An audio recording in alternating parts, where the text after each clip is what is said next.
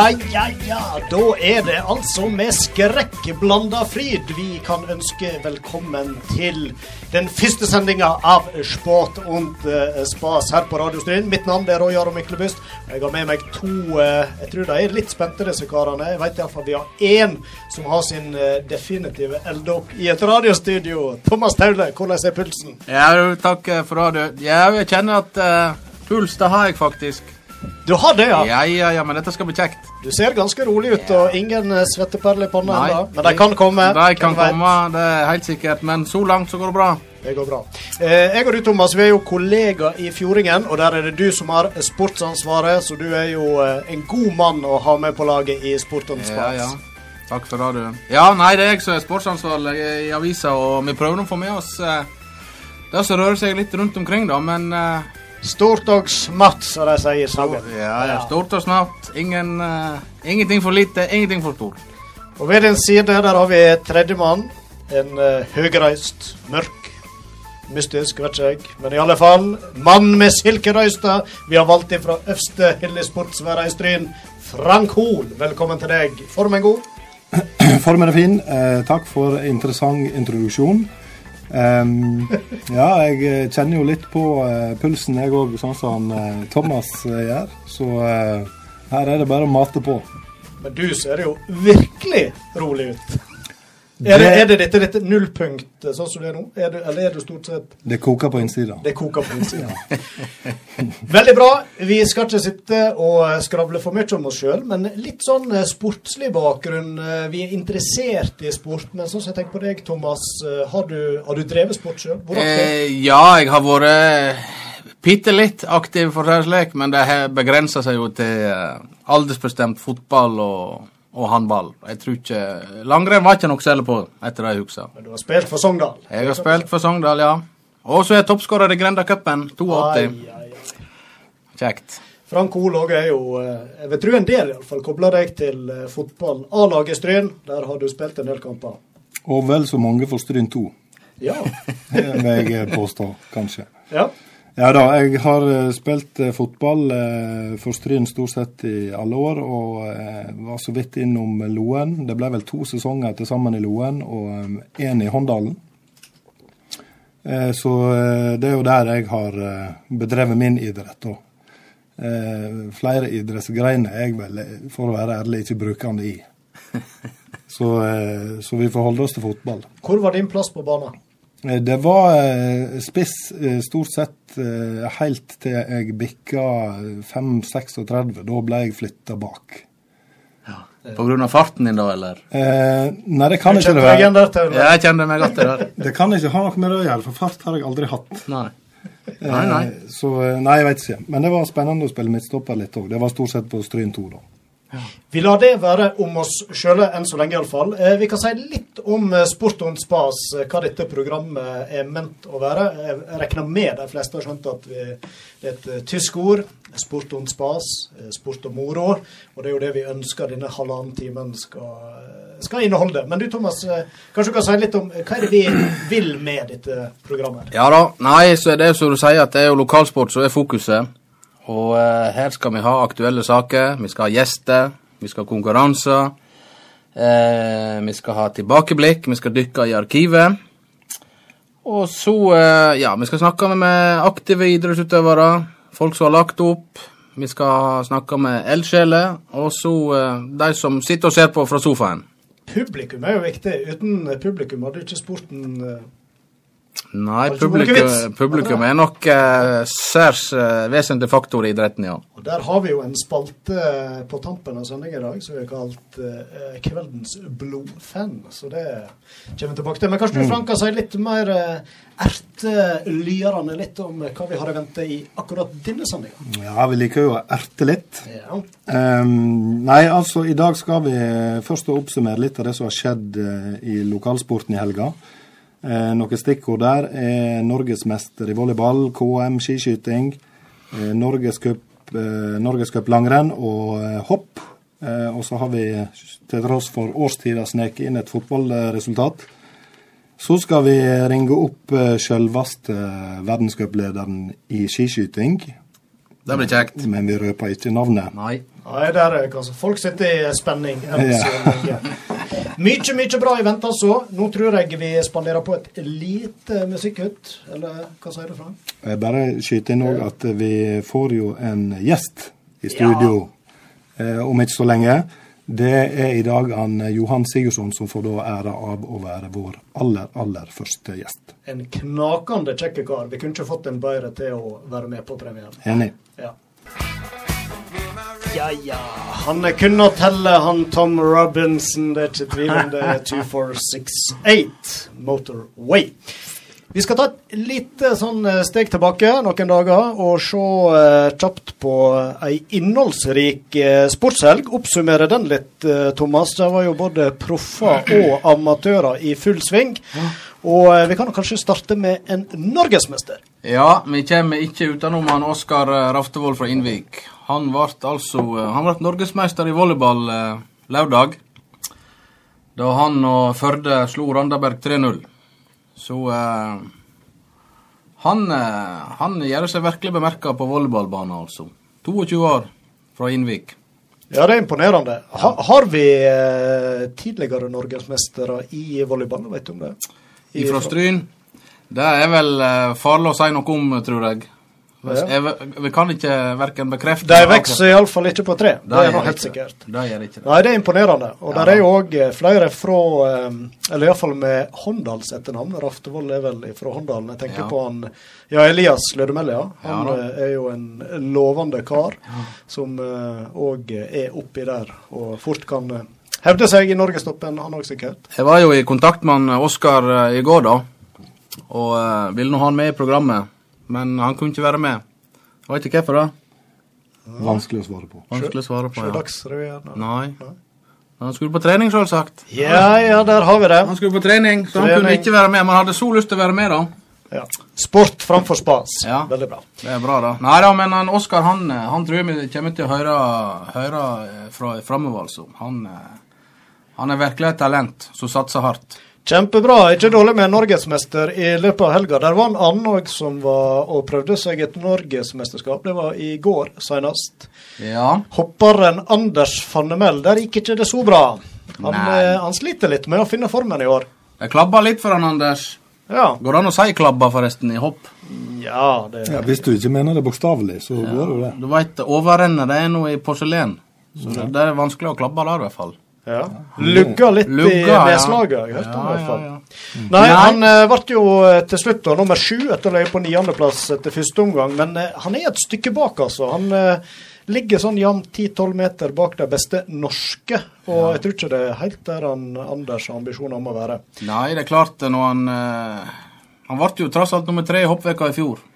Ja, det er bare et uh, drøyt år siden. Da var han helt oppe der. Og han hadde jo flere også gode plasseringer. Og før jul, uh, vi må jo ta med det, da, han hadde en sjuendeplass som best. Så han har jo vært Ja der oppe. Men eh, det vil seg ikke er denne helt. teknikken med hopperne. Jeg tror det er den som er hopperne, snakker jo stadigvis eh, om den gode følelsen. ja. Eh, og når den er der, så kan jo de eh, herje vilt. Men eh, når han ikke er der, så, så går det litt sånn som det gjør med han for tida nå, da. Så jeg bare venter på at han skal finne den. For han har potensial til å være med helt i toppen. Det har jo vi sett før. Absolutt. Nå har han jo bare fem-seks uker på seg før, før det er VM i Seefeld, så han, eh, han, Han bør nok, finne han må finne nå. formen nå snart, altså. Men han er med, forstår jeg, til Zakopane i Polen, så Ja. da har han ny mulighet der. Og så eh, håper vi, krysser fingrer og føtter og tær, for at han nå eh, Ja, finner tilbake til gamle takter. det håper vi. Ja, det var norgesmesterskap, men vi hadde et KM lokalt på Ulsheim. Der uh, var de nok en gang arrangør for krets- kretsmesterskap eh, i skiskyting. Og eh, der så vi jo igjen, iallfall vi som sitter med lokalsporten i Fjordingen, så har vi noen navn som stadig vekk går igjen. Annet er det eh, en duell i jente 16-årsklassen. Eh, Ja. To jenter som knives jevnt og trutt. Det stemmer, Jaron. Der har vi jo Maren Hjelmeset Kirkeide og Emilie Flo Stavik. De hadde hver sin seier Det hadde de. sprint og fellesstart. Veldig- de, eh, de kniver det er de. Så der var det jo greit fordelt uh, denne helga. Ja da.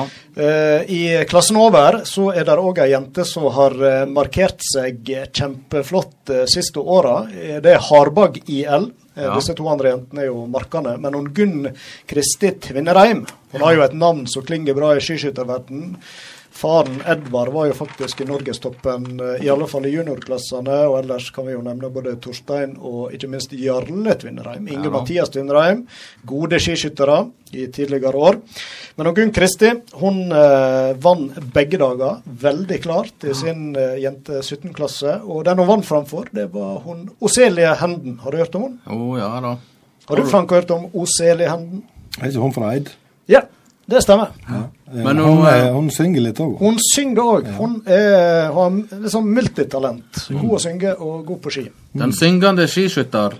Ja, de er ikke mange av. Nei, det er ikke mange av. Men hun går jo på landslinja her eh, i Stry nå. Det gjør hun. Hun er ei meget hyggelig, kjekk jente som eh, vi sikkert kommer til å skrive både mye om når det gjelder sang og skiskyting. I gutta 18-årsklassen der har jeg uh, eh, merka meg at det der er en uh, Midtgjell Gjørven som begynner å komme litt sterkt. Ja, uh, markene i hjel. Vi har han Magnus Midtjell Gjørven. Han uh, ser ut til å ha tatt store steg denne sesongen her. Og han vant jo uh, gutte 18-klassen begge dager. Mm. Både på sprint og fellesstart. Og jeg tror at han kanskje kan være på vei oppover nå, altså. Det ser sånn ut. Og Midtjell Gjørven, vi er inne på uh, sterke navn i skiskyting. Så har vi han Jarle Midtjell Gjørven. Dessverre så har han nettopp uh, lagt opp. Han var jo en uh, meget habil skiskytter som faktisk hevda seg i norgestoppen ja. tidvis òg som senior. Men han har gitt seg. Flytta nordover, ikke bare jeg veit. Men i alle fall ser det ut som han Magnus Veslebroen tar opp tråden etter han Jarle. Så ja, det lover godt. Det blir spennende å se. Eh, så må jeg komme med en liten bekymring eh, akkurat når det gjelder skiskyting. For i eh, de eldre klassene vi, vi, vi, har altså to skiskyttere fra Markane som er med og hevder seg i verdenstoppen. Mm. Men i et KM, der er det altså ingen seniorløpere med. Nei. Det syns jeg eh, rekrutteringa er ikke sånn veldig bra på kort sikt, iallfall. Da har han Aksel Mathias Mæland. Han går i den eldste juniorklassen.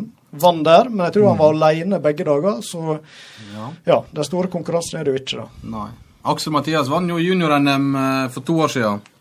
Normaldistansen i Holmenkollen. Det gjorde han. Ja. Og han er fra en eh, familie med sterkt navn. Ja, Mæland. Der har vi han Johan Eirik Mæland. Mangeårig i norgestoppen junior, og, og eh, flere pallplasser som senior i Norgescup. Ja. Han er vel i ferd med å trappe ned? Det stemmer. Han eh, har rett og slett reist eh, utenlands. Mm. Han er i USA studerer og kombinerer det med langrennssatsing. Mm. Så han uh, Johan, uh, Johan, Eirik ble jo nummer 20 nå i et norgescuprenn for et par helger siden, og da sa han at dette var siste norgescup ja, han var hjemme, var hjemme på juleferie, slengte seg med på et par norgescuprenn når han likevel var her, og blir nummer 20, og det er jo veldig bra. Ja. Så en uh, fin avslutning for han da i Norge som ja, skiskytter. I din omgang, kanskje, ja. for vedkommende. Det er jo en kar som har satsa knallhardt i mange, mange, mange år.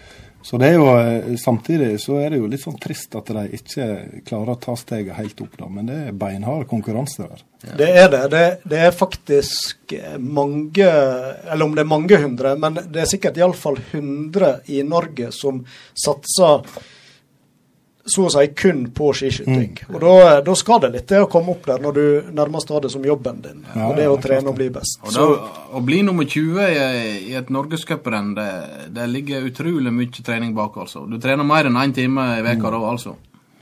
Absolutt. Vi eh, haster litt videre. Eh, vi kan nevne langrenn, for der har vi en eh, kar Det blir veldig mye sånn apropos etternavn her, men her òg har vi jo en som har et eh, navn som klinger godt, iallfall i langrennsverdenen. Han heter eh, Simon eh, Hjelmeset Kirkeide. Og Hjelmeset-navnet det stammer jo fra denne Hjelmeset-familien Oddbjørn Hjelmeset.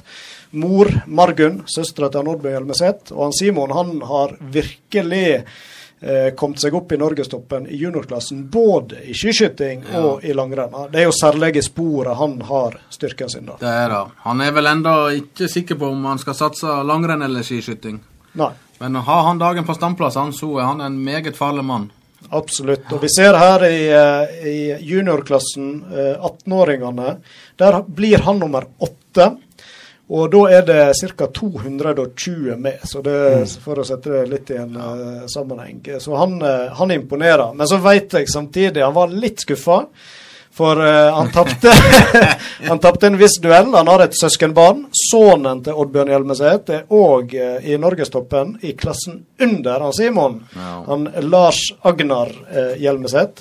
Og de driver jo og har sånne interne knivinger, vet jeg. Og der var det yngstemann, altså han Lars Agnar, som stakk av med med den interne seieren. Han slo vel han Simon med sju sekunder, tror jeg. Så, eh, det er vel like mye kniving der som han Johannes og Tarjei Bø, sikkert. Jeg vil tro det.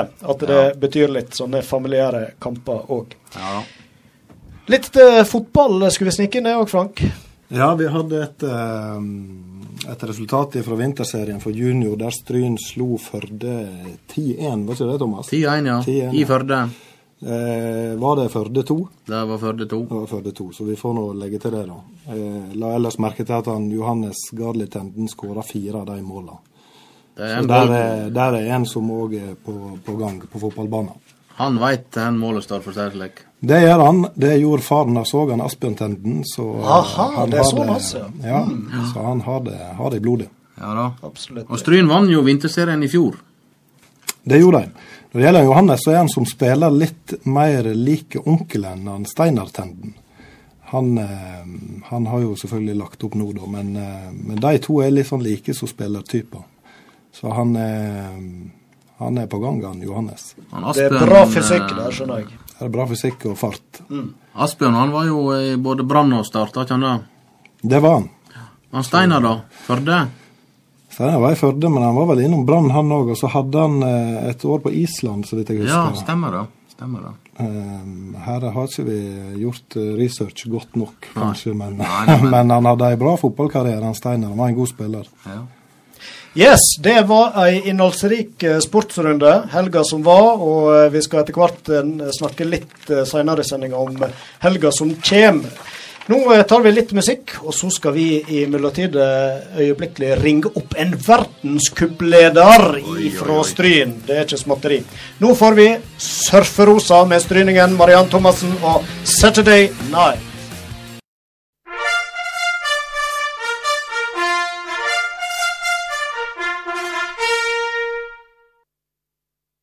Betyr vel konkurransetid, karer? Konkurransetid, ja. Det hører jo med et program som Sport on spas. Og der er du konkurransemeister. Ja, jeg er i hvert fall konkurransemeister for i kveld. Eh, nå i romjula så var det jo en eh, innendørsturnering i fotball, eller futsal, eh, Frank. Det er korrekt. Eh, Ryktene sier at du var på vinnerlaget, kan vi si det høyt? Overraskende nok så stemmer faktisk det, ja. ja. Det er jo en, eh, en, turnering med lange tradisjoner etter hvert. Ja, den uh, turneringa har Jeg vet ikke hvor mange år de har holdt på, men jeg husker jo den turneringa fra jeg sjøl var ja, i den kategorien som gikk på fest omtrent alle dager i romjula. det gjør jeg ikke lenger, men eh, kanskje det var derfor vi stakk av med seieren. Jeg veit ikke, men vi var en gjeng på gamle Stryne-spillere på 40 pluss pluss som, som drog det i land. Ja, Imponerende. Og det er jo fra denne her uh, turneringa dagens uh, spørsmål kommer ifra. Vi vil vite hva slags klubb er det som arrangerer innendørsturneringa i Strynehallen andre juledag. Hva slags klubb? Da sender du inn svaret ditt på SMS til telefon 99 59 57 79. Og Da må vi jo nevne hva premien er. Det er jo ikke hva som helst. Det er eksklusive Sportonspas T-skjorte. Det er eksklusiv skjorte, ja. Vinneren får den her. Disse her er ikke mange av foreløpig. Foreløpig er det fem eh, vi har fått på plass, men det kommer flere. Men ja. eh, saken er jo den at det er kun gjester i studio og vinnere av konkurransen, og selvfølgelig vi programledere, som får tilgang på denne T-skjorta. Så her er det bare å hive seg med. Så vi trekker ut vinner blant de riktige svarene, og det tar vi på tampen av sendinga. Yes. Send svaret ditt til 99 59 57 79. Han Johannes eh, Tingnes Bø han har altså åpna årets sesong helt forrykende. Og han leder nå verdenscupen. Han har vel tatt eh, jeg tror det er sju av ti mulige sigre. Og senest i helga så eh, tok han en ny. Det var på jaktstarten. Og denne veka så er han på plass i Rupholding. Men etter det vi har skjønt, så er det snøværet så er det store spenningsmomentet der nede akkurat nå. Snøer dere ned, Johannes? Ja, hallo, hallo. Nei, jo, vi har gjort det så langt. Eh, men i dag var første egentlig solskinnsdag siden etter nyttår omtrent, tror jeg. Så eh, jeg trengte eh, en ekstra dag på å rydde hustakene rundt om i byen og området for snø. Sånn, sikkerhetsfolka kunne ikke være på World Cup før tidligst i morgen. Ja, for sprinten den eh, skulle jo gått i dag. Den er utsatt eh, til i morgen. Og nå, sånn som jeg skjønner på deg, så lover eh, været bra. Men, men, hvordan er det å få en beskjed sånn tett opp mot konkurranse at eh, dette blir utsatt? Nei, det er absolutt ingen problem. Og Det er noen sånne uforutsette ting som, eh, som kommer. og Ofte blir det utsatt en dag eller to pga. vind, men det er vel aldri første gang tror jeg, at det blir utsatt pga. for mye snø. Så har vi opplevd det òg. Men uh, vi er tilpasningsdyktige og vi går veldig mange skirenn i løpet av et år. Så vi har ikke Om det blir flytta en dag eller to, det har ikke så veldig masse å si for totalen. Men du Johannes, når, når, du plutselig får beskjed om at du har fri en dag, sånn, litt sånn på sida, hva gjør dere på da? Nei, jeg eh, spiller Tetris da på sengekanten. Ja, du er såpass avansert? Det ble eh, en del timer med det på videregående, og, den suksessen den har jeg fortsatt med. Ja. Du, du, er god nå? Ja, jeg begynner jo å ha bra fartstid bak meg som Tetris-spiller. Vi, vi, har jo et fantastisk liv som skiskyttere. Vi, vi er jo masse på reis, det er jo kjedelig i seg sjøl. Men eh, vi sover fint på fine hotell. Og nå her i Rupolling bor vi på et gjestehus der vi har med egen kokk og fysio. og og vi har det skikkelig enkelt. så Utenom å gå skirenn, så ligger vi egentlig på senga. Og, eh, og, det er rett og slett et ork å måtte gå fra senga til matsalen for å få servert en eh, nydelig middag. Jeg eh, går ut ifra du har et Netflix-abonnement òg? Ja, det er det kona som har, så der sparer jeg litt penger på det. Men du får logge deg på? Jeg får logga meg på, ja. Jeg er det. Men eh, for å bli litt, eh, litt eh, seriøs, du har jo hatt en knallstart på sesongen. Og med både giftermål og det har vært litt sykdom i oppkjøringa. Er, er, du litt overraska sjøl at det har gått såpass godt som det har? Uh, ja, jeg er jo egentlig det. Um, jeg har jo hele tida på en måte skjønt og, og, visst at det kom til å bli bra. Men jeg hadde på ingen måte trodd at det skulle gå like bra som det har gjort nå. Og ja, med den oppladinga jeg hadde, så, så trodde jeg at jeg skulle være med oppi der, men ikke på det nivået jeg har vist så langt. Så det har vært en uh, veldig positiv overraskelse. og uh, ja, Jeg tar det ikke for gitt. Jeg tror jeg har vært heldig det året her. Og så ville det nok ni av ti andre ganger slått andre veien. Mm. Men hvordan eh, tenker du, må du gjøre noen prioriteringer nå, dette med verdenscup opp mot eh, et verdensmesterskap som kommer litt senere? Kan du kombinere begge deler, eller legger du opp til en formtopp ut i mars? Eh, nei, vanligvis så har jeg egentlig hatt på vane å gå alle løpene i løpet av et år. Og så ja, prøver jeg egentlig bare å være i best form jeg kan hele tida. Og så ja, enten klaffer det i VM, eller så klaffer det ikke. Og Så langt har det gått fint og gått alle skirenn. Så planen i år var jo å kanskje stå over USA-rundene nå i februar um, for å trene til VM, men det vil jeg ikke prioritere hvis jeg leder verdenscupen, sånn som jeg gjør nå.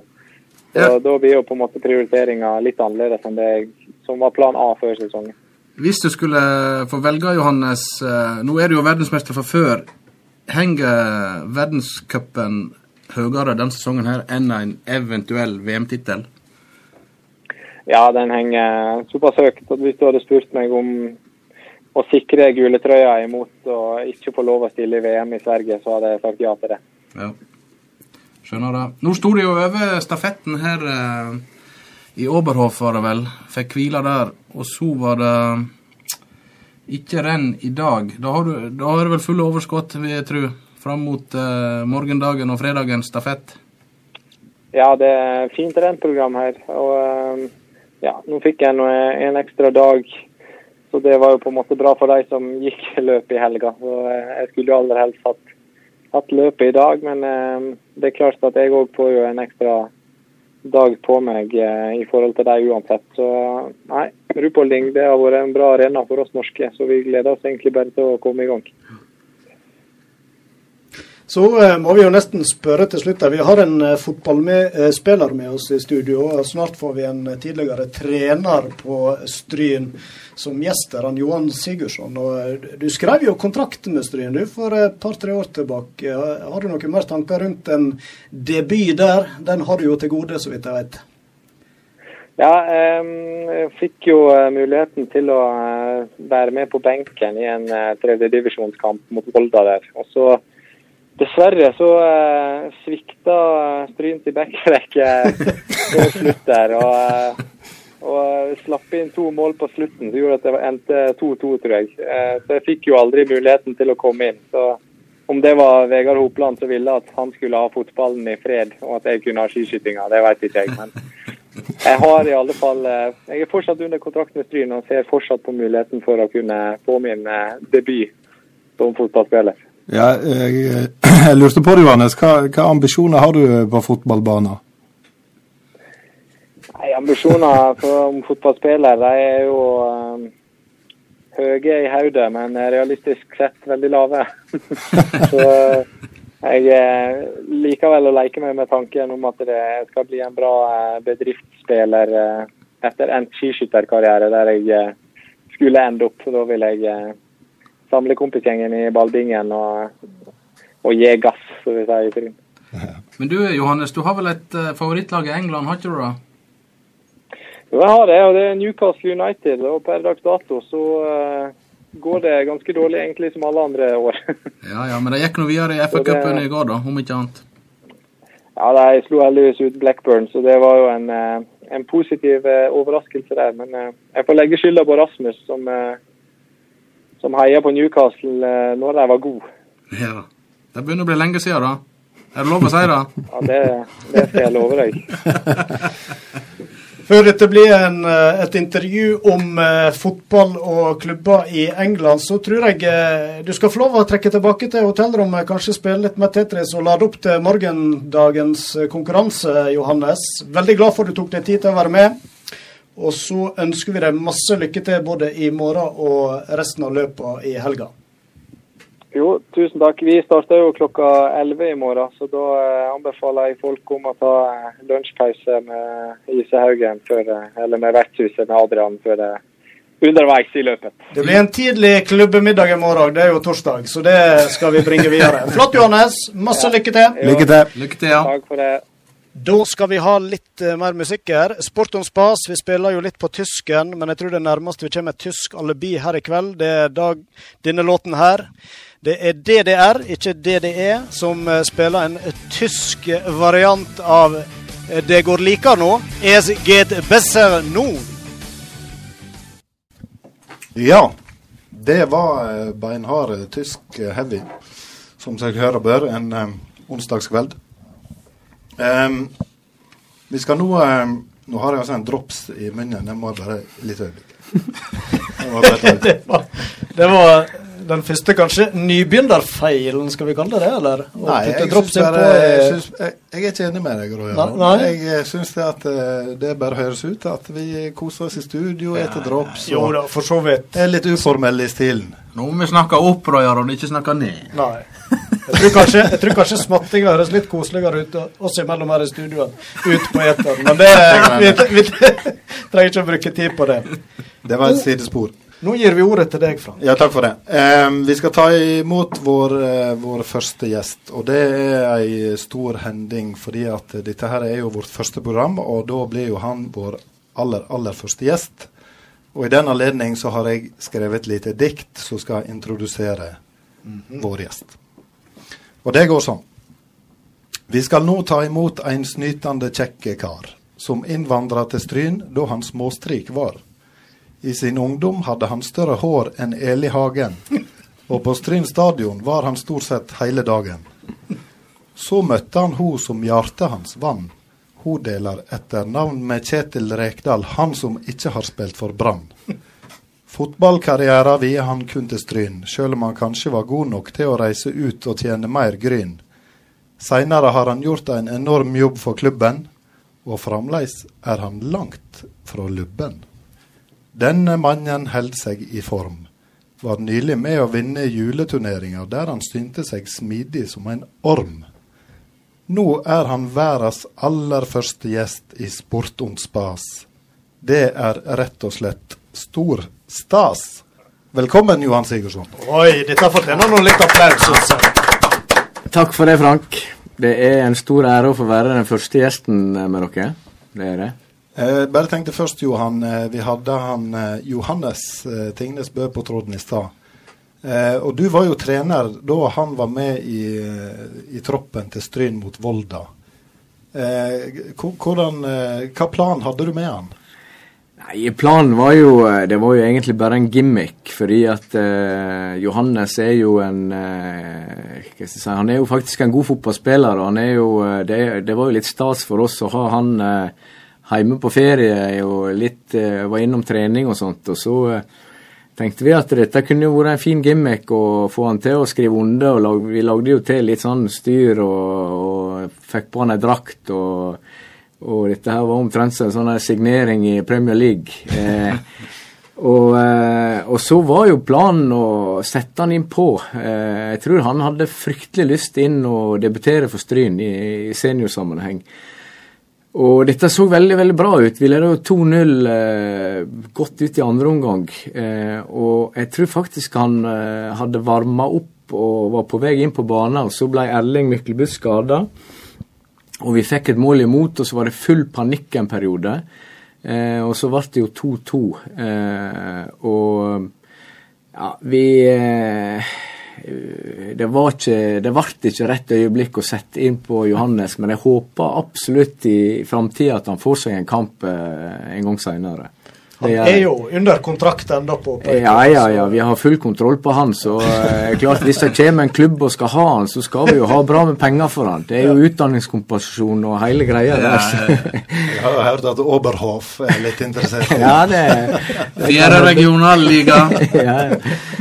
Eh, men, men, du hadde satt han inn på hvis Tryn hadde ledet 2-0 i det 88. minutt? Ja, det var planen at han skulle få fem minutter. Ja. Eh, og det hadde jo for så vidt ikke noe med eh, Hva skal jeg si eh, Det hadde eh, Altså, vi, hadde, vi jo, hadde jo masse unge spillere på benken òg, men det var jo på en måte avklart og forklart til dem at, eh, at vi måtte ofre en av dem for et innbytte på, mm. på Johannes. Ja.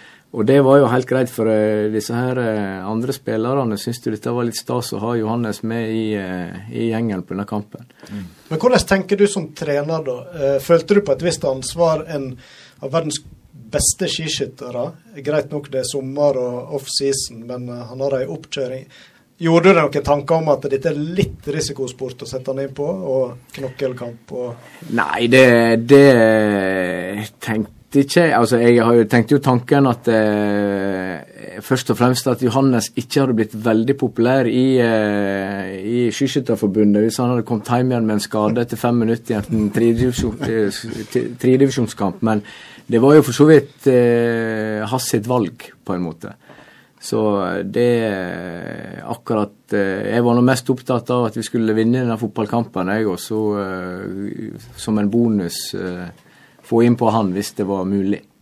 Ja, Stryn fikk jo uh, mye oppmerksomhet rundt den gimmicken der, så det var jo En fikk jo kanskje igjen det en hadde håpa, sånn sett. Ja, og det tror jeg er viktig for sånne klubber som Stryn. Og, og altså, vi, er jo, vi, er jo, en breddeklubb, og selv om vi, det ser ut som vi har voldsomme ambisjoner om uh, Eh, av og til så ser, har vi jo høyere ambisjoner på en måte og tanker om oss sjøl eller det, det, som er realistisk. Sant? Vi er jo ikke noe proffklubb akkurat, men vi, vi, liker å leve oss inn i dette her. Eh, bruker jo masse tid på det. sånn at eh, Eh, det er jo viktig å få litt oppmerksomhet og, og gjøre litt eh, andre ting.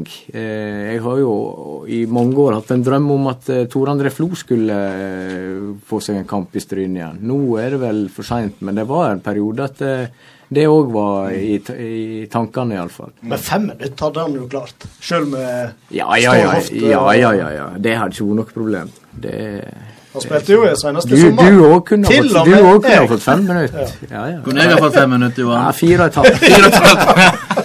det er nok for meg, da. Men nå ble vi ikke Johannes her. Men karer, nå, må vi, nå må vi inn igjen på, på sporet her. Um, eh, Johan, du kom til Stryn eh, som eh, jeg nevnte i diktet 'Småstrik'. Åtte-ni år gammel, var ikke du det? Eh, ni år. Ni år, ja. Um, hva var det at, som gjorde at uh, familien flytta fra Island uh, til Stryn, og hvorfor ble det Stryn? Eh, vi hadde en eh, link der i forhold til at eh, mora mi gikk på Vereide på, på folkehøgskole og hadde gått i lag med noen strynejenter der. og de beholdt kontakten, ikke via Facebook, men brev.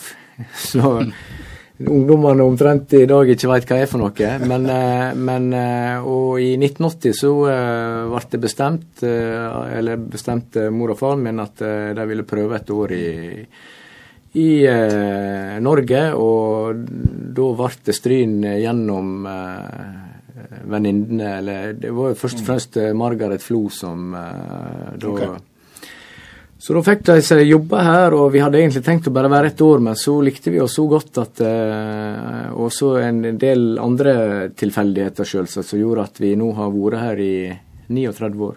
Ja. Et lite sidespor igjen. Da uh, mora di gikk på Vereide, meldte hun seg inn i fjell, Fjellhugg Vereide? Nei, det tror ikke jeg hun gjorde. Altså. Eller det vet jeg hun ikke gjorde. Medlem den dag i dag. Eh, men da kom du altså til Stryn, og så eh, ble jo du fort eh, introdusert for fotballmiljøet her i bygda. Hvordan, hvordan, skjedde det, og hvordan ble du på en måte mottatt der? Nei, For det første så ble vi jo fantastisk mottatt i Stryn eh, på alle måter. Eh, og jeg tror det hadde veldig mye med å gjøre at, eh, at vi var litt spennende. fordi vi, det var ikke så mye utlendinger som bodde i Stryn. Og jeg, jeg tror jeg var jeg tror nok jeg var den første eh, ikke-nordmannen som gikk på Tonning skole, omtrent. Mm. Eh, eh, og eh, alle disse her eh, guttene som jeg ble eh, venner med, de, de, spilte fotball. Og det, jeg ble jo bitt av basillen, og jeg, jeg spilte jo ikke fotball på Island. Så jeg begynte ikke med fotball før jeg var ni år. Eh, og, og, det var jo et fantastisk bra miljø, og jeg lærte språket ekstremt fort pga. at eh, her var det bare å hive seg rundt og spille fotball, og da måtte du eh, Du måtte jo bare snakke. Eh, og eh, Hvem var det som dro deg med på den tida? Hvem var dine jevngamle eh, Jan Egil Flo og Rune Morgan Kirkeide. Eh, Geir Sverre Skarstein. Eh, Bjørn Kåre Gotteberg. Eh, var jo de som jeg spilte på lag med opp gjennom eh, Arve Åning. Eh, men i tillegg til de som var jevnaldrende, så hadde vi jo noen som bodde i gata der som jeg flytta først, eh, med Jon Nos og Halvard Bø og Vegard Bø og eh, han eh, Vidar Karlsbakk og Så jeg fikk være mye i lag med dem. Stryn Country. Rett inn på Stryn Country. Det var stor stas. I den legendariske Fjordingcupen. Yes. Men Jan Egil Flo, eh, var han en tapt for fotballverden? Burde han ha fortsatt lenger? Var han en lovende Han var meget lovende. Han var en fantastisk målskårer. Eh, lagde 100 mål hver eneste sesong. Eh, eh, ja, voldsom målteft. Skåra på tungt skudd og Han hadde nok ikke fått plass på Klopp sitt Liverpool sånn som Liverpool spiller nå. Han, for han sprang ikke for mye, det gjorde ikke han. Og han var veldig god på å, å, å vurdere om han skulle ta det løpet eller ikke. Så vi bruker å si hvis det er sånn du ser at ballen kanskje triller ut om uh, sidelinja eller sånt, så tenker jeg denne hadde ikke Floen sprunget på. Men han har jo uh, Har ikke han en drøss med kretskamper? Ja, ja, han spilte på kretslaget. Vi spilte på kretslaget, og han gjorde det veldig godt der, så han var jo, han var jo en kjempespiller, han. Så ja, han, han, han kunne blitt en legende. I Stryn og, og Legende er jo han blitt. ja, det er han. Men, men, han kunne jo blitt en meget god uh, Strynespiller, og de stry, gode Strynespillerne i de tid, de uh, fikk jo seinere en, en, karriere uh, videre. Vi, jo, vi, spilte jo på lag med både Jarle og Håvard Flo, som kom seg til Tippeligaen og, og sånt. så en veit jo aldri. En har jo spilt i lag med veldig mye gode fotballspillere som eh, ikke har eh, eh, Mange gode fotballnavn du nevner her, ja. Eh, Johan. Ja. Hvor fort merka du at du hadde et talent? Du sa du begynte ikke før du var ni år og kom til Stryn. Nei, jeg vet ikke. Jeg brukte jo Som trener så har jeg, diskuterer en jo ofte dette her med spillerutvikling og, og sånne ting. Og det, det er veldig interessant eh, og se tilbake på hvordan jeg hadde det. fordi at eh, jeg var jo i utgangspunktet ikke god, for jeg hadde jo ikke trent fotball. Men eh, Og det er denne, eh, denne innvendige flammen i deg. så Det å ha lyst til å bli god og, og, og, få en flamme for å spille fotball. og den, Jeg husker den dagen jeg fikk den. Eh, og det var eh, like etter jeg begynte i tredje klasse på Tonning skole. Eh, og da var det eh, Alle var jo ute i friminutt og spilte, spilte, kamp. Og da var det gjerne veldig mange på hvert, hvert lag og spilte på gras, grasfeltet opp på skolen. Og eh, så fikk laget mitt straffe, og i målet der sto Alf Ole Gotteberg, den store stjerna på skolen, keeperstjerna. Og sikkert fordi at jeg var ganske ny, så fikk jeg beskjed om at denne straffa skal du få lov å ta. Det var en, plast, en oransje plastikkball. Og jeg gikk fram, og jeg skårte på uh, Alf Ole Gotteberg. Og jeg ble jo båren inn på, uh, på gullstol inn i, da det ringte inn. Og, eh, og akkurat den dagen der, da fikk jeg en sånn voldsom uh, flamme inni meg at eh, fotball det har jeg lyst til å bli god i. Og da trente jeg hele tida, og det, det, hjelper. Kan du huske pulsen slo? Jeg tenker ja, det var en potensiell drite seg ut-fell. Ja, ja, ja. Men jeg kan ikke huske jeg, Det var litt sånn har, Det var jo ikke noe voldsomt press på meg sånn sett. Når, når den store stjerna sto i mål, så var jo ikke det forventa at jeg skulle skåre på han. Så, men, det, men det jeg sier at eh, at for eh, foreldre som stresser med at ja, ungene, eller gutten eller jenta mi er ikke interessert i fotball når de er sju-åtte år gamle, så, så sier jeg at det er ikke noe å stresse med, men jeg må gjerne legge til rette for at de skal få sånne gode øyeblikk.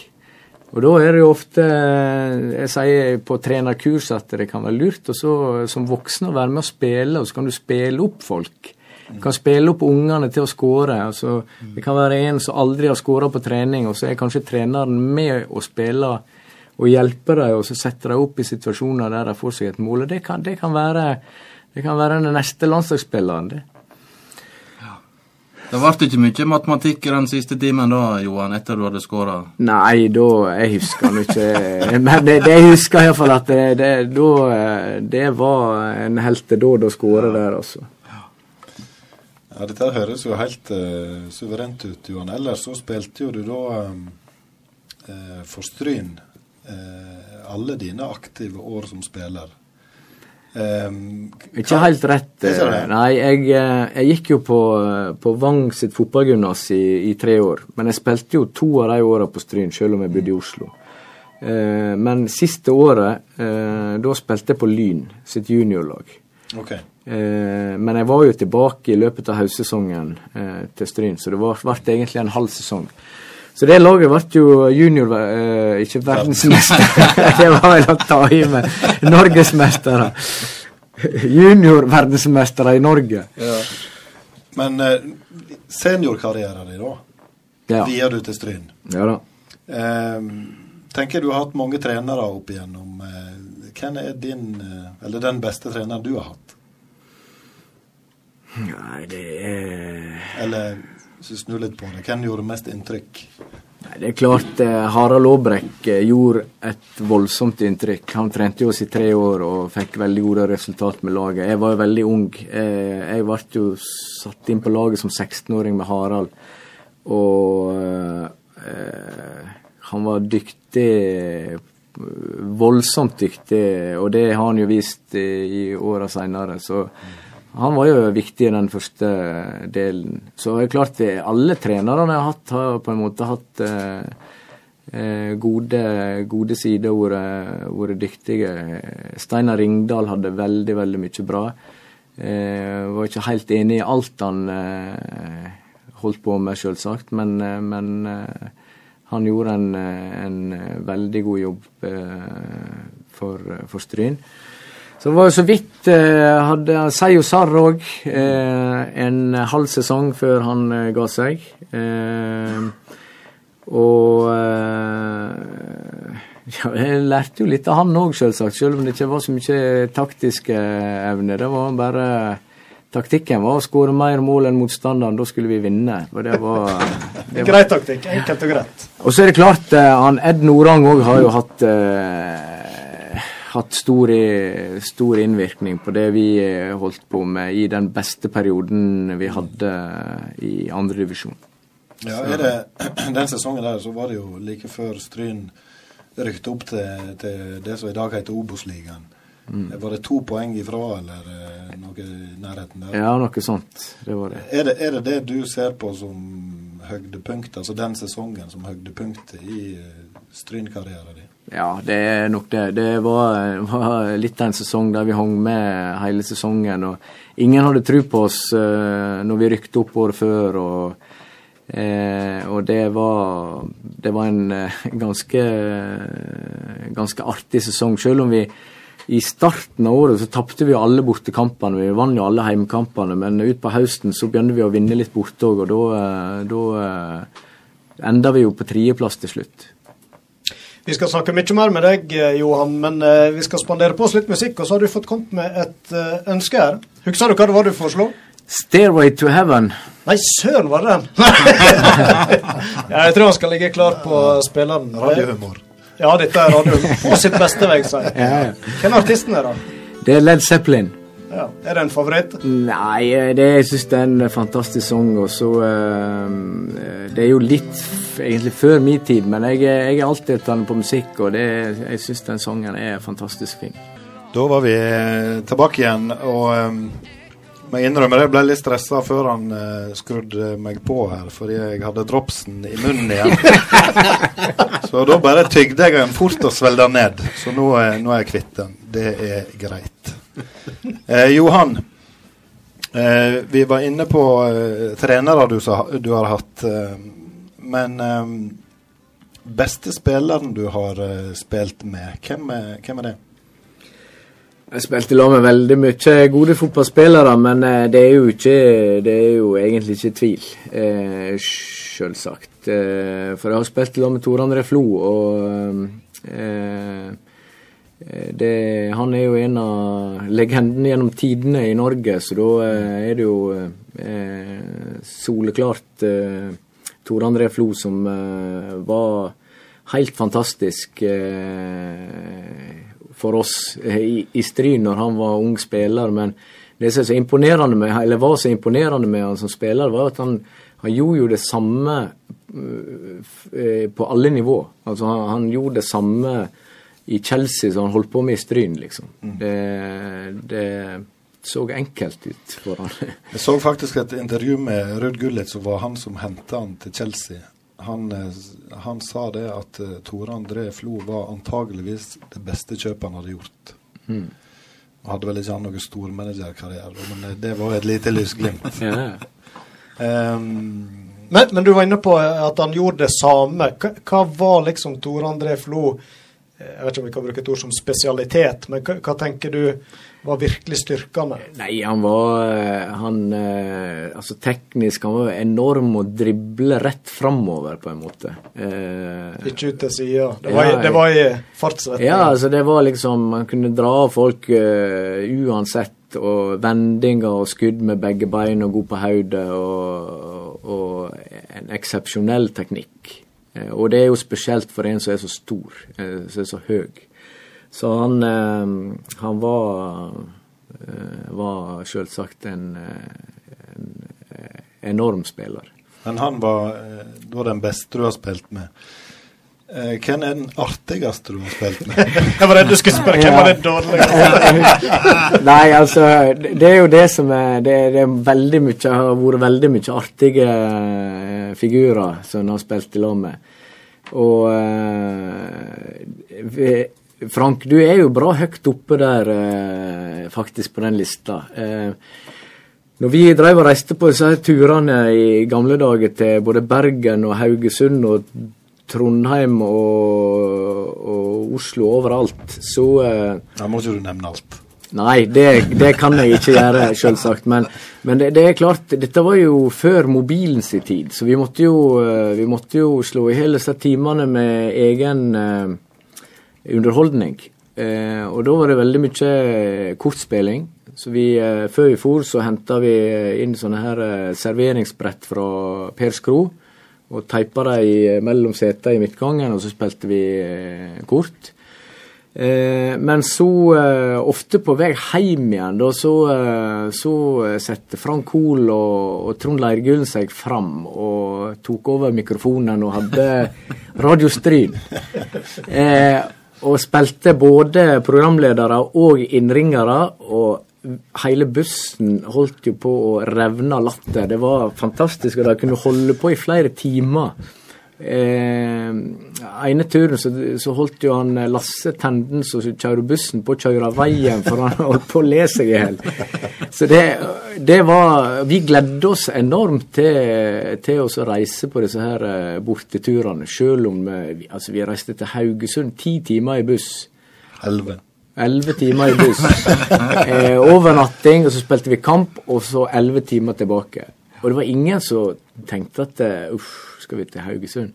Det, det, og det har skuffa meg litt sånn eh, etter jeg ble trener og Eh, gjerne i den perioden jeg var, var, på skolen og ikke var trener, og, og snakka med elevene mine som jeg visste skulle til Bergen og spille kamp. Mm. Så ja, gleder jeg til heller. Uff, skal reise til Bergen, lang tur og sånn.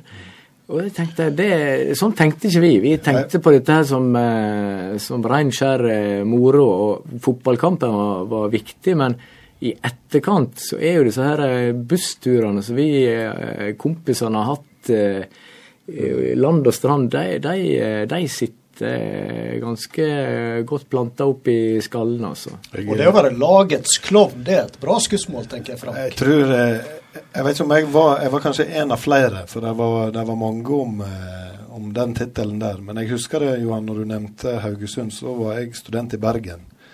Eh, og da eh, husker jeg den dagen vi skulle nedover til Haugesund. Da gikk jeg altså nesten bare og trippa for at jeg gleder meg sånn til bussen kom. og det er jo et sånt signal på at disse bussturene, de var, eh, de var, da hadde vi det artig. Da. Det var vel ikke så verst å kunne gå av i Bergen igjen og på heimveien når de hadde seks timer igjen i buss? Nei, da ble jeg faktisk med hjem til Stryn. Oh, ja. Jeg skulle spille Stryn to-kamp dagen etter. ja, men det var jo sånn det var. Eh, Nei, altså, det, det, har jo vært flere uh, Det er klart uh, Trond Leiregulen, han, han, må oppleves. Det er Det var utrolig mye moro. Han, han, han er vel Stryn sitt svar på Jim Carrey. Ja, det, det, det, det ja. Men så seriøst, eh, å, være, å, ha en klovn er jo en viktig funksjon på alle lag, ikke det? Jo da, det er ekstremt viktig. Det er viktig å ha mm, klovner, og det er viktig å ha disse her som, eh, som uh, løser opp stemninga. Og det var jo òg Som trener så har jeg hatt noen sånne viktige personer som Eh, ja, de åra som eh, tre siste, eller Den siste perioden jeg var trener og hadde Mats Wie på laget, så var jo han en sånn type som, eh, som eh, lagde stemning. Eh, Lars Gjørven lagde stemning. Altså, det var mange, mange som lagde stemning. Nå glemmer jeg jo sikkert eh, noen, da, men, men Eh, dette er ekstremt eh, viktig for et lag. Eh, og det er klart at eh, når vi, som jeg sa i stad, vi er jo en breddeklubb. Og, og, hvis ikke vi har det moro er i lag, så er det vanskelig å bygge opp noe. Så, så det, det, er jo noe av det viktigste som det, det som jeg eh, var opptatt av, det var å lage en For det første så må en jo ha en treningskultur. Det er jo, eh, det er jo viktig. Men en må òg ha et miljø der nesten folk føler at de går glipp av noe hvis ikke de er på trening eller på kamp. Og Det er litt sånn som Franken eh, forklarer når han sitter og tripper eh, og er på bussen som skal til Haugesund. er for at han vet at hvis ikke han sitter i den bussen, så går han glipp av så mye moro. Det var jo noen andre på den bussen òg, som jeg husker iallfall, som bidro til god stemning. Og det var jo to av de mer rutinerte på den tida, da han Kjell Rune Flo og Terje Valaker. Ja, og der, det er viktig at du sier, Frank. For, for uh, Terje Valaker og Kjell Rune lagde òg masse, masse moro. Uh, så det, og det er, det er sikkert sånn nå òg uh, i, i, laget til Geir Inge, at det er noen så, som er disse her som drar opp stemninga. Mm. Så Eh, I løpet av karrieren din, Johan, eh, du nevnte at du hadde en sesong som juniorspiller for eh, Lyn. Eh, på noen tidspunkter var det aktuelt å spille for andre klubber, eller var det noe eh, interesse for andre klubber, eller? Ja, det, jeg eh, veit at det var noe interesse, eh, og Stryn har noe, har Jeg veit at det har fått noen henvendelser eh, på, på, meg, men det, det kokte nå bare ut i kålen alt i hop. Eh, sånn sett. Hva det kommer fra, da? Hyen? Eh, nei, hyen har jeg ikke eh, fått tilbud fra, det så jeg veit. Nei, eh, det var en periode Jeg, jeg gikk jo på, på, videregående i Oslo, hadde, hadde Lars Tjernås som, som, trener på, på, skolen, og han trente, trente Bærum en periode, og det var snakk om uh, at de òg var interesserte. Men og Så vet jeg at det var noen klubber i Bergen, men det ble ikke noe. Og det er klart, det hadde jo vært kjekt å få prøve seg opp i systemet. Men jeg, jeg tenker sånn at eh, hadde jeg vært god nok, så hadde jo helt sikkert noen ville hatt meg, og da hadde de henta meg. Men nå eh, ble det sånn. Og det er, da, da, har jeg lyst til å si litt i forhold til hvordan verden er i dag, i forhold til, til en del av disse unge spillerne nå som Jeg tenker at det, at det er viktig at en eh, en skal prestere der en er først og fremst, og så får en eh, Da blir en plukka hvis en er god nok, eh, tenker jeg. I stedet for at en skal hoppe over, eh, over noen trappetrinn. Men eh, går den harde veien eh, er du god nok, så blir du oppdaga. Ja, mener du det er litt for mye fokus på øverste trappesats? Ja, ofte så blir det det. Eh, men så er det jo eh, Det er jo agenter og speidere og styr og stell som, eh, som skal ha tak i spillere i Ja, sende spillere over, overalt. og jeg synes det er litt Det er, det er veldig spesielt, syns jeg, når, når speidere og agenter går på eh, veldig unge spillere og skal sende dem over hele verden og, og, og hele Norge, mm. på en måte. Og jeg tenker, det, Nå er vi jo for så vidt inne på dette med det å utvikle spillere, og når en skal begynne å spesialisere seg og tenke mm. litt mer ambisjoner. Du har jo engasjert deg veldig i det. Eh, jeg tenker spesielt Proffveka. Du har mm. lagt til rette rett og slett for gode program rundt dette med spillerutvikling. det er jo tiårsjubileum nå vet du, sommeren på Proffveka. Ja, det er det. Det er eh, nå tiende året vi arrangerer nå i 2019, og det har jo vært en fantastisk eh, Dette har jo vært ei fantastisk uke som egentlig smalt på plass med, med, en gang. og det er Litt tilfeldig at, det, at vi fikk det til det året vi, første året vi fikk det til, i 2010. Eh, og, og, det har jo bare balla på seg og fått et veldig godt rykte. Eh, og, og, det har jo vært ei veldig kvalitetsveke. Men når du snakker om når eh, en skal begynne å satse og sånt på idrett Jeg er jo veldig opptatt av at en skal være allsidig. Eh, Iallfall opp til en viss alder. Og jeg mener jo det at, eh, at eh, det, det, er jo en stor styrke for Stryn i, i forhold til at ungdommene har muligheten til å drive med flere idretter. Eh, og eh, jeg mener jo det at fram til de er 16-17 år, så eh, skal det være fullt mulig å, å, å, drive med både to og tre idretter hvis tida går i hop. Mm. Og, og selvsagt så må idrettene samarbeide litt mellom. Så, så jeg, jeg, jeg, mener det er en kjempe Altså, har du en, eh, en, gutt eller jente på ni år som har lyst til å bli en kjempegod fotballspiller, så eh, ville jeg eh, oppfordre til å også fortsette å spille håndball og gjerne gå på ski og alt dette der. For det, at, eh, det, gjør, eh, det kan gjøre deg til en bedre fotballspiller å drive med det. Og har du lyst til å satse håndball, så bør en også spille fotball, at det kan gjøre deg til en bedre håndballspiller. Mm. Det var jo den uh, Tor André Flo sa i sommer når han var i Stryn, at allsidighet, det var viktig. Mm. Ja, det er det. Men Du nevner jo ski òg tidligere skiløper og veldig glad i vintersport.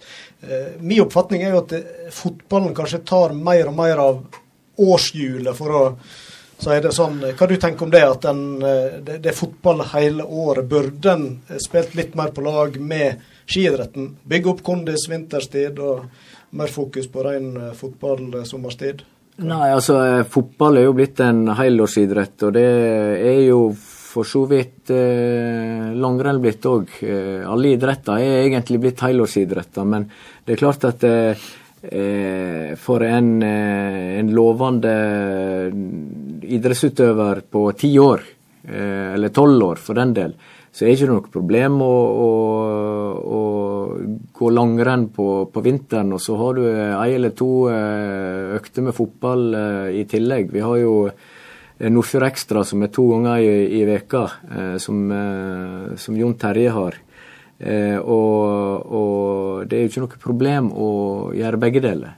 Eh, det blir bare en ekstra trening. og så, Sånn som så i, i Stryn fotball nå, så, så er det det er jo ikke alle lagene som, eh, som uh, trener fullt på vinteren. Uh, ikke de yngste, yngste lagene gjør jo ikke det. Så vi, vi, ønsker jo at våre fotballspillere skal spille håndball på, på, vinteren og drive med ski og alt dette her, sånn at de skal være bedre rusta når, når, de begynner å spille fotball litt utpå ut på året. Mm. Jeg føler vi, vi, kan sikkert sitte her eh, resten av eh, kvelden og eh, langt inn i marling og musikksendinga som begynner klokka ni. Men Johan blir gjerne med oss litt videre. Mm. Vi skal spille litt musikk, og så skal vi snart ha litt mimring, vassing i arkivet. Vi skal tilbake til OL-året 1994. Men nå tar vi først et lite musikkavbrekk her, og da tenker jeg det passer godt med Strynesongen. Den har vel du hørt? på oppvarminga på Stryn stadion, Johan? Ja, det, er, det er verdens vakreste sang, altså. Det er det. Det er lenge siden jeg har hørt den, så det passer veldig bra.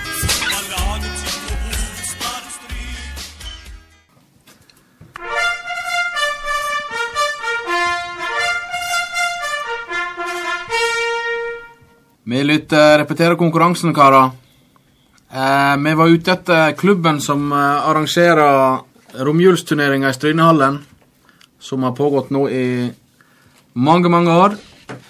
Send inn svaret ditt på mobil 99 59 57 79.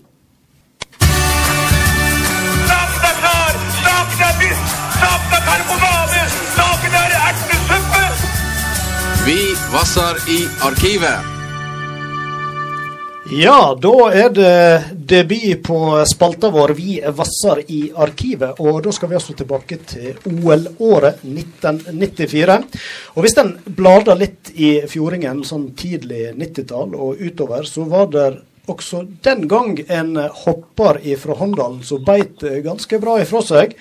Om ikke akkurat i OL, så iallfall i juniorklassene i Norge. Ronny Heggen, du er med oss eh, på telefon. 1994, ja. Hvor, eh, hvor gammel var du da?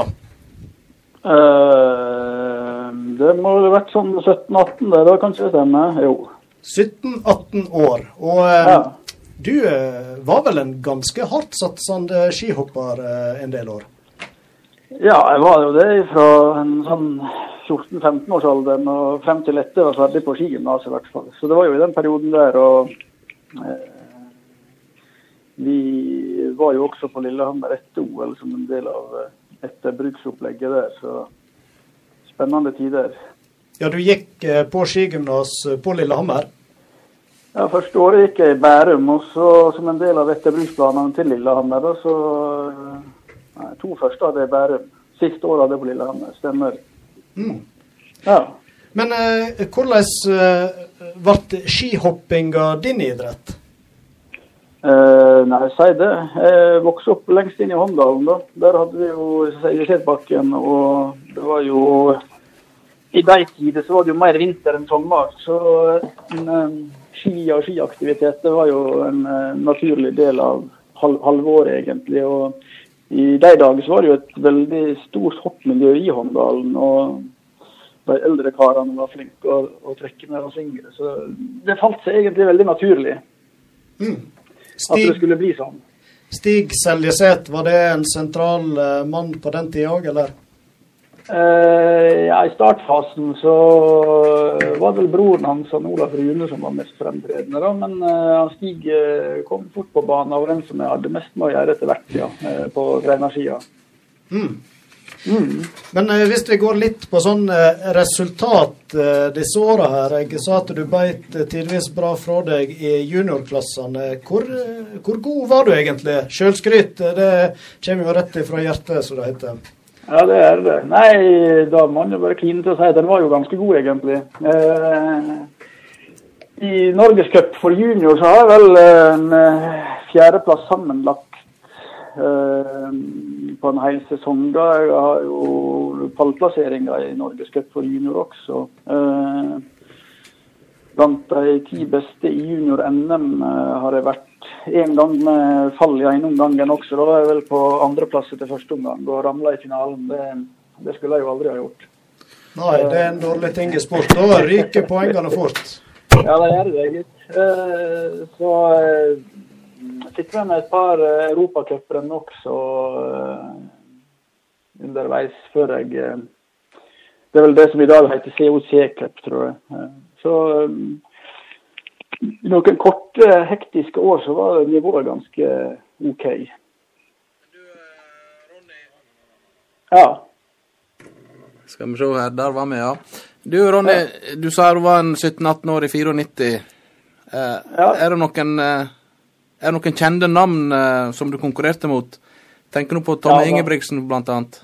Tomme Ingebrigtsen sto jeg på pallen sammen med Mo i Rana en gang, f.eks. Og jeg var jo også i samme årsklasse som han eh, Roar Gjøkelsøy. Eh, ja. Han tror jeg alle fleste har fått med seg. Han er vel trener for Tyskland i dag, til og med. Eh, for han Tommy han vant jo VM i, i 95, gjorde han det? Han eh, var 95, jeg husker ikke, men han vant iallfall i Thunder Bay. Ja. Eh, ja. Det var jo da uh, Arne Skeie ville Kyss meg, Karlsen! Kysse Karlsen. ja, det kan være derfor jeg la opp etterpå. ja. Men du Ronny, så kommer jo det uunngåelige spørsmålet. Hvor ble du av? Nei, si det.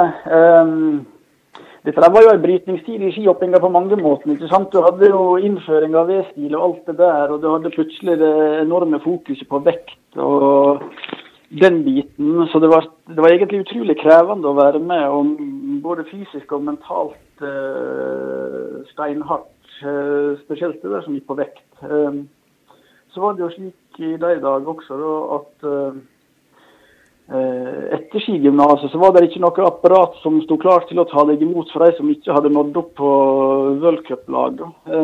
Så en hadde hadde ingenting å gå til heller, eh, for så vidt, hvis en ikke var god nok. Så en kombinasjon av uh, at en var sliten og lei, lommeboka var tom, uh, og ikke noe apparat til å, å, å ta det videre, så har jeg holdt det vel en gående en halv sesong til etter videregående, før jeg bare skjønte at det, her, det blir ikke noe av. og så fant en seg andre ting å gjøre. Flytta hjem igjen og eh, kikket litt andre retninger. Ja. Har du noe eh, engasjement i hoppsporten i dag, eller er du tilskuer? Nei, i dag har jeg ingen verdens ting. Egentlig ikke tilskuer heller. Jeg synes den idretten har utvikla seg litt feil retninger. Også, eh, men jeg, i tida etter la opp, så var jeg jo litt engasjert i skikretsen i, i det som gikk på hopp der. og eh, har vel engasjert meg så vidt litt ellers òg, men, men interessen var egentlig helt død eh, når jeg først bestemte meg for å gi meg. Men, men, helt uinteressert kan du vel ikke være, tenker jeg, når du har en sambygding som uh, nå sliter riktignok akkurat uh, nå, men uh, Anders Fannemel, som må vi kunne si tilhører verdenstoppen, du følger vel litt med på han? Ja, jeg følger med på han. Det, det er jo. Det er jo kjekt å se at han har lykkes og at han har fått det til. Det er jo kjekt for han, og det er jo veldig viktig å å, vise at en, selv om en kommer fra distriktene kanskje ikke har de beste forutsetningene for å, å få til ting eh, her, så er det likevel mulig hvis en har interesse og, og vilje til å få, få, få til ting. Mm. Er det denne flammen som Johan Sigurdsson var inne på, som må brenne hvis en skal få det til? Definitivt. Flammen må brenne. Det tror jeg gjelder i all idrett hvis du skal til topps. Så, så, må du ha den indre gløden og den indre driven. og Den, eh, den skal vedlikeholdes. Gjennom uh, ungdomsår, uh, så er ikke det alltid like enkelt å holde tunga rett i munnen. Det kan vel hende de som sitter i studio og har erfaring Uten å nevne navn. Uten å nevne navn. Men om ikke skihoppinga du nødvendigvis er så engasjert der, eh, betyr idretten noe for deg eh, fortsatt? Ja, definitivt. Iallfall dette å holde seg i bevegelse og være i aktivitet. Sånn med jevne mellomrom så får jeg jo sånne Eh, andre prosjekter hoppa på. Så I en lang periode så har jeg drevet mye med sykkel, jeg har drevet mye med eh, klatring. Ski det kjører jeg fortsatt. og Det å være i bevegelse og, og ja, det, det, er veldig viktig for meg. å konkurrere det er sånn som en får lyst til en gang hvert femte år eller noe sånt. og Da, da tar det helt av. som da, da er det den gnisten, som, den flammen som kommer. Når tok du ditt siste eh, hopp, eh, Ronny? Eh, jeg var så heldig at noen år etter la opp, så var det noen som fant på at de skulle arrangere et siste hopprenn i Siklebakken i Hornindal. Ja. Og det hadde jo vært en sånn barndomsdrøm om å få hoppe der, men når jeg bodde hjemme, så var jeg for feig og for liten. Og så når jeg fikk den sjansen der, så var vi en seks-sju stykker som deltok i et renn i, i Sikkebakken der. og det, det rennet blir vel så vidt snakka om ennå. så det, det, det, var artig å få gjort. Da er jo, spørs... da er jo spørsmålet om hoppdressen din fortsatt holder internasjonale krav? Eh, nei, den holder verken internasjonale krav, og ikke kjenner den inn igjen heller. Så det, det er 25 kilo siden. Ja, riktig.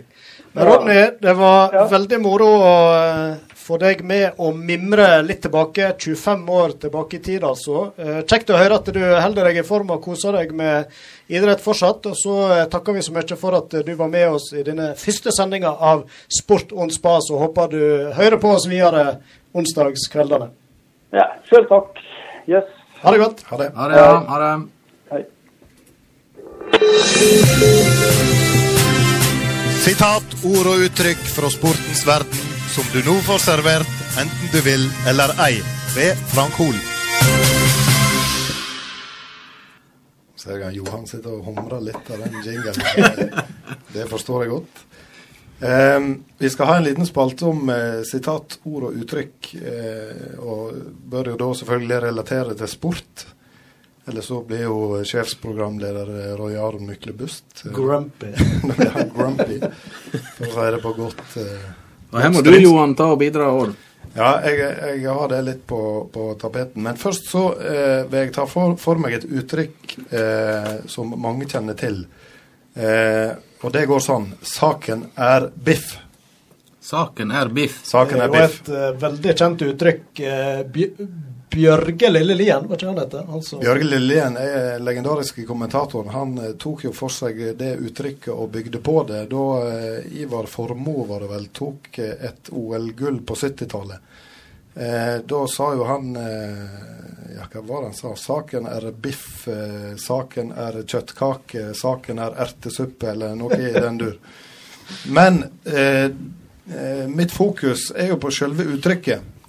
Saken er biff. Ja, eh, og da spør jeg dere som sitter her med meg i studio. Hva, hva tror dere det egentlig betyr? Er det storfekjøtt det blir referert til?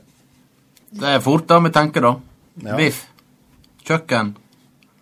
Ja, er ikke Bjørge Lillelien inn på det når han uh, bare fortsetter i matveien og dette handler om at nå er maten serveringsklar. Nå er det liksom oppløpssida. Eh, er vi inne på det? Er ikke det han refererer til? Altså, nå skal er vi snart i mål. Bjørg Lillelien, skal ikke, jeg skal ikke ta ifra han noe, men, men å relatere det til mat, det er faktisk skivebom. Sier du det, ja? Ja. Johan? Nei, altså, eh, Når jeg eh, tenker på det uttrykket der saken er biff, så, så tenker jeg at eh, dette er enkelt, på en måte. Eh, det er, eller det er avgjort, det er enkelt. ja, closed. ja, ja. Det er sånn jeg Men hva har det med biff å gjøre? Nei, eh, Bjørge Lille Lien var jo veldig spesiell, han. Så han, eh, han, eh, han fant jo på mye, mye eget. Men dette og Han levde i nuet, han, når han drev og så på disse her sendingene. Men det er iallfall sånn jeg oppfatter uttrykket. Ja, ehm, men jeg gjorde jo litt eh, research på dette her uttrykket her, og fant jo ut det at eh, det har ikke noe med mat å gjøre. Eh, jeg så òg at hun Linda Eide som hadde et språkshow på NRK, òg hadde tatt for seg dette uttrykket der. Men jeg må påpeke at det så jeg først etter jeg sjøl var begynt å gjøre research på det, så det er ikke noe plagiat av eh, legendariske Linda Eide på NRK. Eh, men det dette her uttrykket egentlig betyr, eh, og eh, enkelte plasser står det at det stammer fra, det, ifra Sverige, fra militæret i Sverige, eller noe i den dur. Eh, da skrev saksbehandlerne Altså, det stammer fra byråk byråkratiet, da. Eh, og da skrev eh, saksbehandlerne BIF punktum på, eh, på dokument som da var ferdigbehandla og akseptert, eller godkjent. Eh, og BIF står da for bifalt. Eh, okay. som, som da betyr det samme, ikke sant? Så saken er biff eh, har derfor overhodet ingenting med storfekjøtt å gjøre. Nei. Det var oppklarende, iallfall for meg. Det var det. Men Veldig bra vi har lektor Hol i studio, som kan belære oss litt. Ja. Det har jeg aldri blitt kalt før, så det var kjempekjekt. eh, Johan Sigurdsson han er her med oss eh, fortsatt, og eh, den spalten her skal jo òg omhandle sitat. Eh, og der er det jo mange forskjellige kommentatorer som har sagt fryktelig mye rart. Og jeg tipper du, Johan, har et eller annet du har bedt deg merke der. Nå er ikke jeg helt sikker på hva du mener. Nei, om du har et sitat fra eh, Ivar Hoff, Arne Skeie, et eller annet de har sagt, som er litt utafor boksen. Det er jo noe med å ta det på sparket sjøl om en er fotballspiller. Da. Så det kan jo være litt vanskelig. Altså, Jeg, jeg vet iallfall, Johan, at jeg og du har snakka om et, eh, et med deg om det mange ganger før. Da han eh, Ivar Hoff kommenterte Lillestrøm en gang, så var det en spiller som heter Verni, som hadde et eh, fryktelig dårlig mottak. Og da utbrøt uh, Ivar Hoff Spennende spiller denne Werni. Hardere mottak enn skudd. ja, det stemmer. Det stemmer. Så det er klart det er mye å grave i i den spalten. Eh, vi setter punktum for den nå. Eh, og så skal vi grave litt, og kanskje litt dypere, til neste sending. Og stas presenterer kveldens blodfan. Det gjør vi.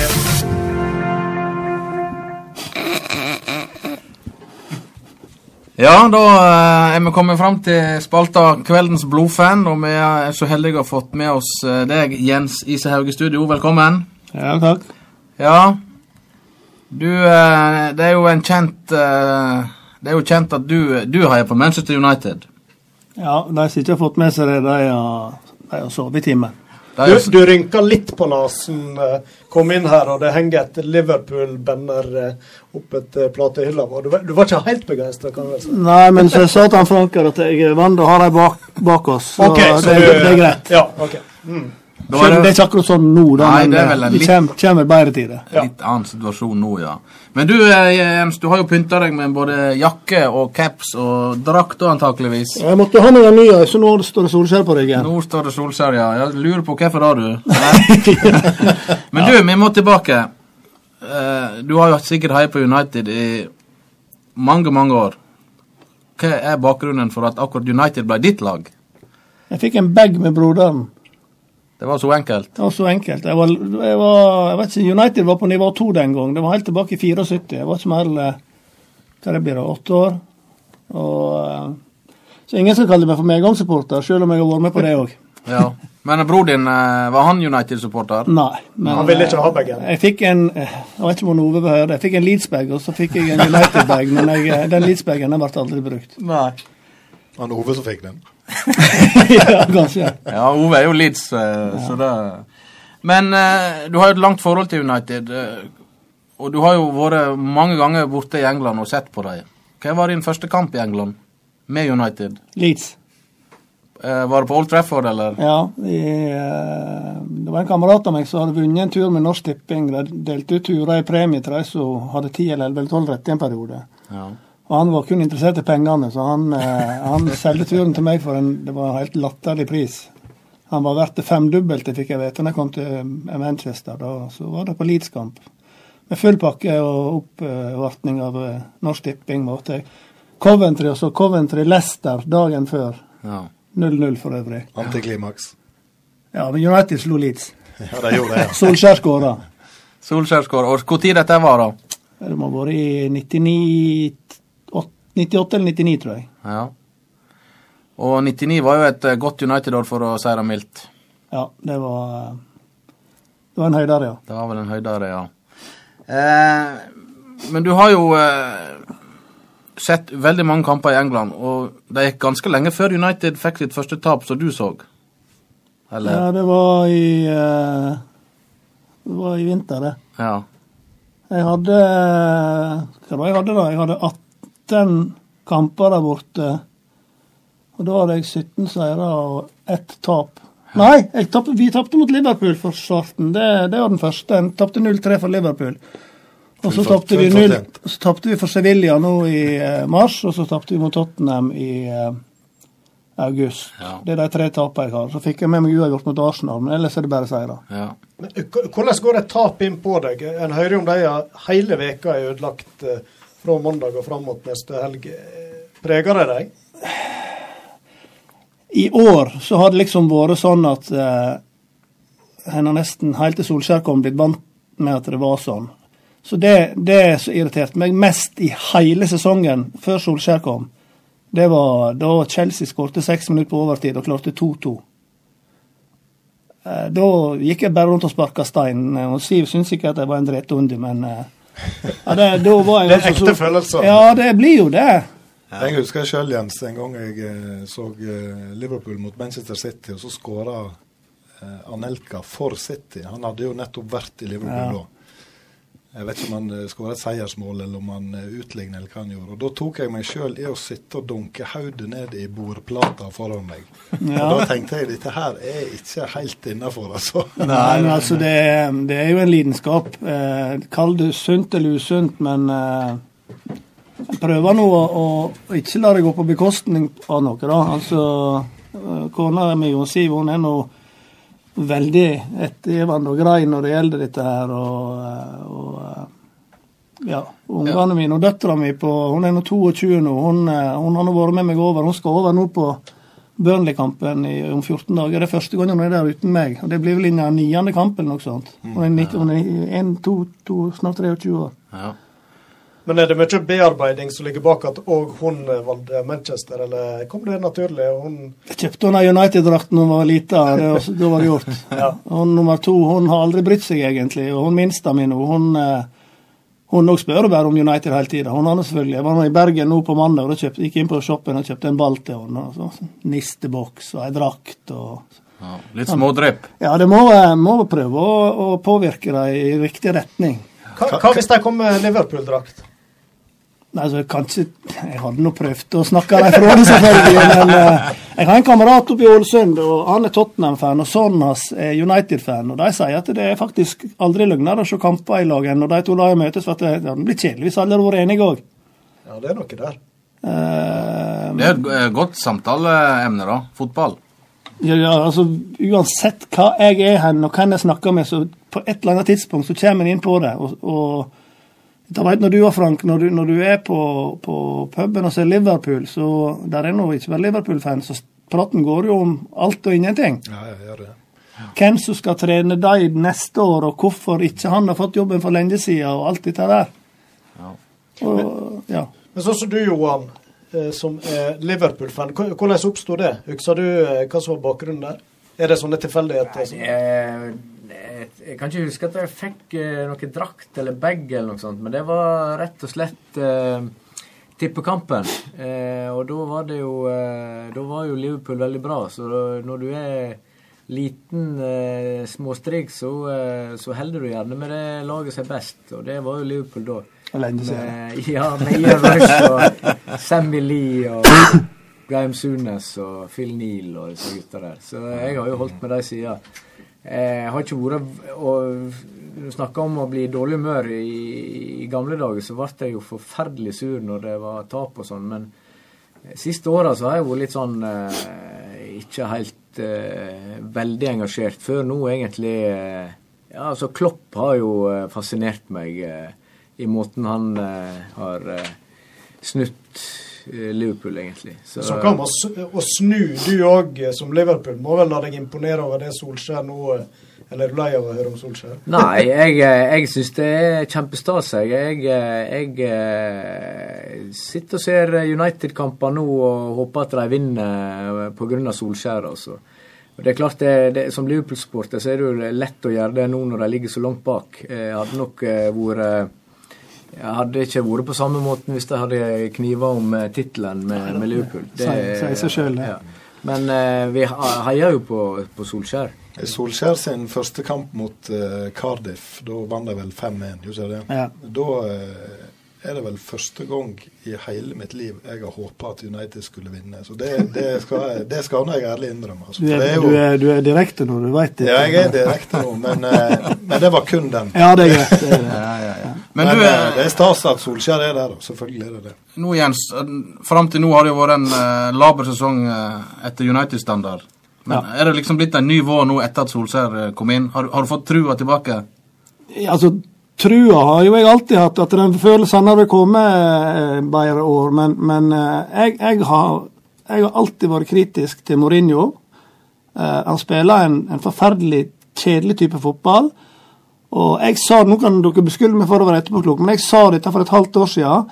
Spark Mourinho. Jeg nevnte ikke Solskjær, det skal ikke jeg ta æra for. Men spark Mourinho, få inn Zidane eller hvem det måtte være og betaler Mourinho det det må koste å bli kvitt han, og så sier de ja, men det koster jo en milliard kroner. Ja, men drit nå i det, da. Vi har spillerne. Det er bare han som ikke får til å få noe ut av dem. Og, og jeg fikk jo delvis rett. Solskjær har jo fått Pogba god igjen. Han har fått Alle viser jo noe helt annet enn de gjorde under Mourinho. Er det personlighet jeg snakker om, eh, Johan? Du er trener sjøl og vet hva det betyr, det som skjer i garderoben og på treningsfeltet, sikkert. Eh, Hvor mye har det å bety hva type du er som trener? Nei, det, det, det som er fascinerende å se, det er jo hvordan de har vært utad i media, der eh, Mourinho etter hver kamp har snakka om eh, at han har for dårlige spillere. og eh, Dette her går ikke. sant? Mens Solskjær han, eh, han benytter muligheten til å, å fortelle både spillerne og omgivelsene hvor gode de er. Og, og det er klart at eh, dette gjelder jo ikke bare i fotball, men det gjelder noe i livet. Hvis eh, folk eh, forteller deg hele tida at du ikke er god nok, så blir du til slutt ikke god nok. Eh, så det, det er veldig fascinerende på den måten. Jeg sitter og ser på klokka igjen, så vi kunne sikkert prata mye om Manchester United. Jeg bare tenker, er der en, er der en klubb to i livet ditt? I England Ja, for så vidt. Hvor som helst. Nei, altså jeg er nå veldig glad i uh, å se Stryn, da. men Ja. eh, men uh, også er jeg Brann-supporter når det gjelder høyt nivå her hjemme. Og så akkurat nå, men ikke neste år sannsynligvis, så håper jeg at Leeds gjør det bra. Jeg har lyst til å Leeds opp igjen i Premier League. De hører hjemme der. Helt enig med deg. Ja. Jeg har et veldig godt forslag. Eh, alle de i Stryn kommune som eh, er, har en favorittklubb i England, de skulle vært tvinga til å komme og se lokalfotball først, før de får lov å sitte seg ned og se på TV eh, og se på disse lagene i England. Så det, det burde vært et krav. Eh, og jeg mener det. Det er ekstremt viktig å, å støtte lokalfotballen, og lokalidretten for den del. Men med så stor fotballinteresse for lag i utlandet, så burde vi kunne lage noen folkefester ut på Stryn stadion og opp på Lund og inn i Loen og i Handalen. Helt enig med deg, Johan. Det er ikke hjelp å sitte hjemme i sofaen og lese Ferdal Leif, for der står det bare tull. der, der fikk vi altså ei kjempeutfordring fra han Johan, og da fikk vi òg på elegant vis vridd dette litt tilbake til lokalsporten, som er utgangspunktet her. Tusen takk, Jens, for at du stilte på i dag. Heia Manchester, sier vi iallfall i denne anledning, og lykke til eh, neste kamper. Tusen takk til deg. Nå skal vi kåre en annen vinner som eh, i konkurransen vår.